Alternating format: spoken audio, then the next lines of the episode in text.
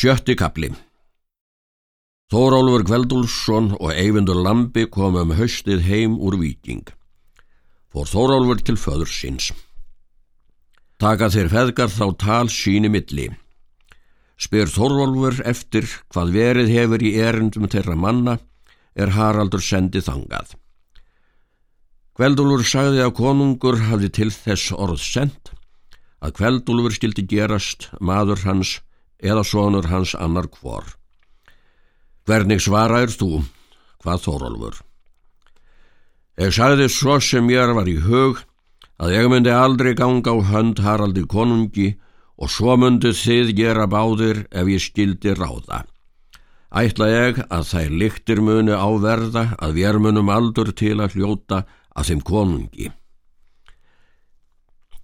Þá verður all mjög á annan veg, sagði Þórólfur en mér segir hugurum því að ég ætlað mig skulu af honum hljóta hinn mesta frama og til þess er ég fastráðin að fara á fund konungs og gerast hans maður og það hef ég sannspurt að hyrð hans er skipið afriksmönnum einum. Þegir mér það all físilegt að koma í þeirra sveit ef þeir vilja við mér taka. Eru þeir mennhaldir miklu betur en allir aðrir í þessu landi? Er mér svo frásagt konungi að hann sé hinn mildasti af fjögjöfum við menn sína og eigi síður þess ör að gefa þeim framgang og veita ríkið þeim er honum þykja til þess fallnir. En mér spyrst á þann veg til um alla þá er bakverpast vilja við honum og þýðast eigi hann með vináttu sem allir verða ekki að manni. Stökkva sömur af landi á brott en sömur gerast leigumenn. Þykir mér það undarlegt fadir um svo vitran mann sem þú ert og metnar hjarnan. Er þú vildir eigi með þökkum taka veg sem þá er konungur bauð þér.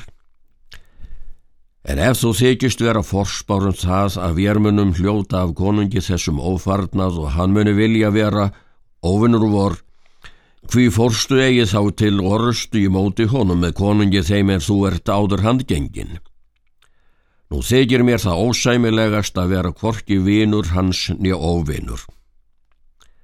Eftir gekk það, hvað kveldúlfur, er mér bauð högur um að þeir myndu engir sigur för fara er börðust við Harald Lúfur norður á mæri.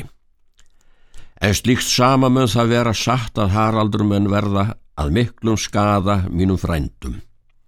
En þú, Þórólfur, mun ráða vilja atöfnum þínum. Ekki óttast ekki það, þótt þú komir í sveit með hyrnmönnum Haralds, að eigi þykir þú hlutgengur að jafn hennum fremstu í öllum mann raunum. Varast þú það að eigi ætlir þú hóf fyrir þér eða keppist við þér meiri menn en eigi myndu fyrir væja að heldur. En er Þórólfur bjóst til brott, þá leti kveldulfur hann ofan til skips, kvarf til hans og bað hann vel fara og bað þá heila hittast.